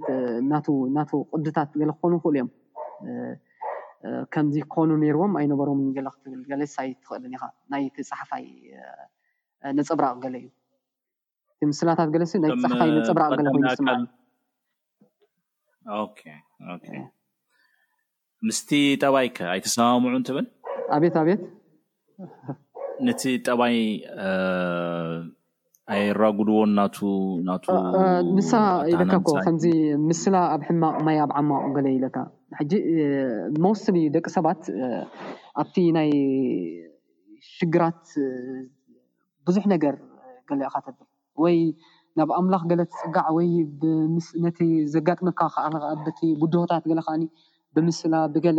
እንዳገበርካ ተስተብህሎ ሕጂ ምስ ወዲ እዩ ዓብዩ ኣዴታትና ከኣ ብምስላ ገለ እየን ዘዕብያኻ። ሕጂ እቲ ምስላታት ኖርማል እዮም እቶም ምስላታት ኣብቲ ኖርማል መንእሰይ እውን ዝርከቡ እዮም ግን ብኸመይ ኒምሮድ ኣምፂዎ ገለ ክትብል ከለኻ ከዓኒ ካብ ዝተፈላለየ ክስተያት እንዳዋሰበ ገለ ዘብሎ እዩ ሕጂ በቲ ሓደ ከንፀባርቆ ነቲ ዛንታ ክኾልዕዎ ይኽእሉ እዮም በቲ ሓደ ከዓኒ ናይ ፀሓፊ ምትእትታው ገለ ኣብቲ ናይ ምስላ ገለ ከዓ ኮይኑ ይስመዓካ እዩ ሕጂ ናተይ ክስታይ እዩ እዚ ናተይ ርድኢት ገለ እየ ማለት እዩ። ኦኬ ሐራይ ሐራይ ናብ ካልእ ኣርእስቲ በል ናብ ካልእ ሕቶ ሰገን ኦኬ መጀመርያ ብተስፊት ክጅምር ዳሕራይ ደንደን ክተብለላ ኢኻ ኦኬ ይቕረታ እዚኣ ቅድም ናብ ተስፊት ክሓቶ ስለ ዘለኹ ኦኬ ኣገዳስነት ኣርእስቲ ከመይ ረኺብካዮ እ፣ ጸሊም ግመ እ፣ ያ ነቲ ግድን ኣይኮነን ክውክሎ ያ ነቲ ዛንታ ግን ያ ከመይ ገላጺ ዶ ኮይኑ ረኺብካዮ እወ፣ እታ ኣርእስቲ ማራ እዩ ኬፍ ዘለዋ፣ ጸሊም ግመ ከምቲ ጸሊም በረድ ንጉስ ገበን ገለ ክትብል ከለኻ እቲ ፓራዶክስ እዩ ስግንጢር ዓይነት እዩ። ሕጂ እንዳ እንዳ ኣንበብካዮ ነቲ ዛንታ እንዳ ፈለጥካዮ እንዳ ፈለጥካዮ እንዳ ፈለጥካዮ ክትከይድ ከለኻ ግን ጸሊም ግመ እዩ። እቲ ግመ ጻዕዳ እዩ ዝበዝሕ ሰብ ዝፈልጦ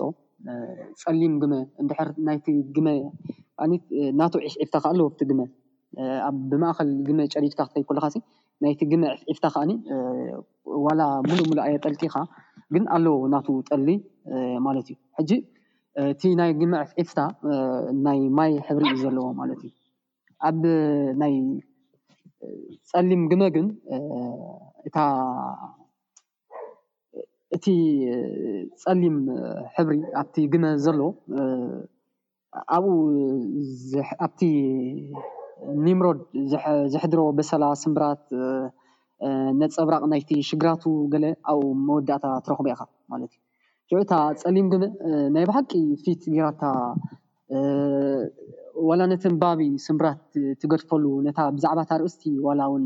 ከስተንትን ጥራይ ነታ ኣርእስቲ ጥራይ ከስተንትነላ በታ ኣርእስቲ ጥራይ ስእሊ ወሲዱ ክኸይድ ዘኽእሎ ነገር ኮይና ትስምዓካ እያ ማለት እዩ ሕጂ እቲ እቲ ዛንታ ኣወዳድኡኡን ነታ ኣርእስቲ ሽዑ ምስ ከድካን ገለን ትስኣለካ ነገር እያ። ሕጂ እታ ኣርእስቲ ቤላ ውክልና ኣለዋ ዋላ ንባዕላ እታ ኣርእስቲ ጥራይሲ ምሉእ ናይቲ ዛንታ ኮይና ረኺበያ ዋላ ሓደ ከምዚ እቲ ርእስቲ ቀይዐ የብሉ ህየለ የብሉ ከምቲ ዘለዎ ሲ ዓቢ ዛንታ ገለ ርእሳ ዝኸኣለት ገለ ኮይና ትረኽባ እኻ ማለት እዩ ናይ ብሓቂ ከኣ ነቲ ብምሉእ ዛንታ ዘለውስ ኣብ መወዳእታስ እያ ወኪላቶ እያ ገለ ዝብል የምጻልካ እዩ ማለት እዩ اوكي ደንደን እታ ኣርእስቲ ከመይ መፅያትካ ኦኬ እታ ኣርእስቲዋ ከምዚ ተስፊ ዝበላ ሕጂ በታ ናቱ ፅቡቅ ገልፆ ኣሎ እቲ ካልእ ኣንባቢ ከዓ ከምኡ ነናቱ ክገልፃ ክእል ይኽእል ማለት እዩ ምክንያቱ ከምዚ መብዛሕትኡ ሰብሲ ከንበበ ከሎስ ገሊኡ ዛንታስ ኣብቲ ኣርእስቲ ገለ ፀንሓካ እዩ ማለት ከላ ከምዚ በቲ ናይ ቅድሚ ሕጂ ዝተለምደ ኩሉ ገለ ወላ እቲ ኣርእሲ ሕጂሲ ነቲ ዛንታ ይውክል ድዩ ኣይውክልን ክተሽክዖ ትኽእል ኢኻ ሕጂ ነቲ ኣርእሲ ማለት እዩ ገሊኡ ነገራት ኣብቲ ቅዲ ናይ ሓጺር ዛንታታት ገለ ዝነበረ ቅድሚ ሕጂ ማለት እዩ ክተሽክዖ ተኾንካ ኻስ ገሊኡ እንታይ ነይሩ በቲ ናይ ቅድሚ ሕጂ ዝተለምደ ማለት እዩ በታ ናይ መወዳእታ ቃላት ኣብቲ ዝሃነጽካ ዛንታ እታ ዝዛረብዋ ቃላት ወላ ሓንቲ መዕጽዊ ብኣርእሲ ወጥ ነይሩ ክኾን ይኽእል እዩ ሕጂ እዛ ዛንታ ሕጂ ክትመጽእ ከላሲ ጸሊም ግመ ወላ ሓደ ተምጽኦ ነገር ክትብላ ኣይክእልን እያ ሕጂ እቲ ጸሊም ገመ ምባላ ከኣ ወላ ሓንቲ ከምታ ተስፊት ዝበላ ማለት እዩ ፓራዶክስ እዩ እቲ ሰብሲ ከምዚ ነናቱ ከምዚ ሜታፎሪክ ዓይነትሲ ጸሊም ግመ እንታይ እዩ ሕጂ መብዛሕትኡ ሰብ ጸሊም ግመ ክብል ተኮይኑ እንታይ እዩ ዝፈልጦ ኣብቲ ማይ ክሃርም ከሎ ግዜ ድብንብን ክብል ከሎ በርቂ ገለ ክጅምር ከሎ ገለ ማለት እዩ ሽዑ እቲ ጸሊም ግመ ዝፈልጦ ሕጂ ንዓተርዮ ከኣ እንታይ ክብል ግም ሰማይ ጸሊም ኮይኑ ደበና ጸሊሙ ሽዑ ናይ በርቂ ኩን ገለ ሽዑ ማይ ክሃርም ይኽእል ሰብ ኣብቲ ካልኣይ ካምስል ኣሎ ሲ ከምዚ ክሃርም ድ ኣይክሃርም ካኣሎ ከዓ ተወሳኺ ማለት እዩ ኣብ ሰማይ ተወልደ ቦናስ ክሃርም ዩ ኣይሃርምን ማለት እዩ ነቲ ናይ ተፈጥሮ ዝምልከት ማለት እዩ ሕጂ እቲ ፀሊም ግበ ሕጂ ሰብሲ ክሃርም ድዩ ኣይክሃርም እዩ ፀሊም ግመ ተኮይኑ ዝናብ ኣሎ ዝናብ ክሃርም ድዩ ኣይክሃርም እዩ ኣብዚ ዝምርኮስ ማለት ቀንዲ ዛዕባ እዚ ሕጂ ወላ ኣንቲ በቲ ናተይ ካልእ ክገልጾ ይኽእል ይኸውን ግን እቲ ኣንባባይሲ ናቱ ስእሊ ክሕዝ መታን ንዑ ይምልከት ማለት እዩ ኦኬ ሰዓትና ኣኺለ ካብዚ ንላዕሊ ሰማዕትና ከይነሰልቾም ግን ዝተባህለ ነገር እንተሎ ክትብሎ ትደልዩ እንተሎ ዕድል ክበኩም ተስፊት በኣኻ ንጀምር። ኢትስ ኦኬ ወልሓደ ክበሃል ዝግብኦ ተባሂሉ እዩ እቲ እታ ዛንታ ከምቲ ዝበልናዮ እዩ ስለቲ ግዜ ሂብካ ዘዘራረብካና ኣዝየ የመስግን ኣቶ ቴድሮስ ኣብርሃም። ደንደን ወላ ሓንቲ ከምቲ ዝበሎዩ ማለት እዩ ወላ ሓንቲ ደጊመሲ ታይ ኣብሎም ዝኽእል ኣምስልካ ነዚ ዕድል ዝፈጠርካ ቴድሮስ ብዓቢኡ ከኣ እታ መጽሓፍ ኣብ መወዳእታ በቃዓሲ ናብ ኣንበብቲ ክትበጽሕ ዝገበርካያ ከም ኣሕታሚ ውን ኩሉ ወላ ከም ኣስተማቓሪ ስነ ጽሑፍ ብዓቢኡ ከኣ ኣብቲ ናይ ኤዲቲን ናይ ኣርትዖት ማለት እዩ እቲ ዝዓበየ ደረጃ ኣብኡ ካብ ምውሳድካ የመስግነካ ድሕሬኻ እቲ ትጽፊት ማለት እዩ እቲ ናይ መጀመርታ ነገር ጎኒ ጎኒ ከኣ እዚ ኣብቲ መጽሓፍ ኣብቲ ናይ ምስጋና ዝተረስዑ ኣለዉ ኣቶ እስጢፋኖስ ገብረሚካኤል ሮዛን ሰሌን ዝጸሓፉ ማለት እዩ ኣብቲ ናይ ካልኣይ ሕትመት ናይ ምርታዕ ማለት እዩ ቅድሚ ሕጂ ብዙሓት ነይሮም እዮም ጸሓፍቲ ንዖም ኣሕቢረ ከመስግኖም እኽእል ማለት እዩ ምክንያቱ ነብሲ ወከፍ ዛንታሲ ሓሓደ ሰብ እዮም ኣርቲዖማ ድሕሪኡ ተስፊት ተወዲዎም ድሕሪ ከኣ እስጢፋኖስ ገብረሚካኤል ሃንጭባት ማለት እዩ ሮዛን ሰሌን ድሕሪ ከኣ ቴዲ ማለት እዩ ብጅምላሲ ከመስግነኩም እደሊ ምክንያቱ እዛ መጽሓፍሲ ሳላኹም እያ ኣብዚ መወዳእታ ደረጃ ምብቃዓ ማለት እዩ እቲ ፍርሕታተይሲ እቲ ናይ ምሕታመይ ዘይኮነስ እቲ ምቑሑ ፍርሕታተይ ተፈቲሑሲ ኣብ መጽሓፍ ምብቃዓ ዘብቃዓኹምሲ ንብምላኣኩም ከመስግነኩም እደሊ ብዓቢ ከኣ ነቲ ኣብ ጎነይ ኮይኑ እቲ ሞራላዊ ወላ ገንዘባዊ ይኹን ዝኾነ ምትብባዕ ዝሃበኒ ወላ ኣንቢቡ ከኣ እቲ ርእይቶ ይኹን ወላ ካልእ ኣይኮነስ ወላ እታ ገዛእ መጽሓፍ ገዚኡሲ ዘተባብዓኒ ብምሉእ ህዝቢ ማለት እዩ ከመስግኖ ደሊ ማለት እዩ። ኦኬ ኣነ ድማ ብወገነይ ኣመስግነኩም ግዜኹም ሰዊእኩም ኣብዚ ዝርርብ ምስታፍኩም ኣብ ካልእ ኣጋጣሚ እውን ተመሳሳሊ ኣጋጣሚ ክንራኸብ ተስፋ እገብር።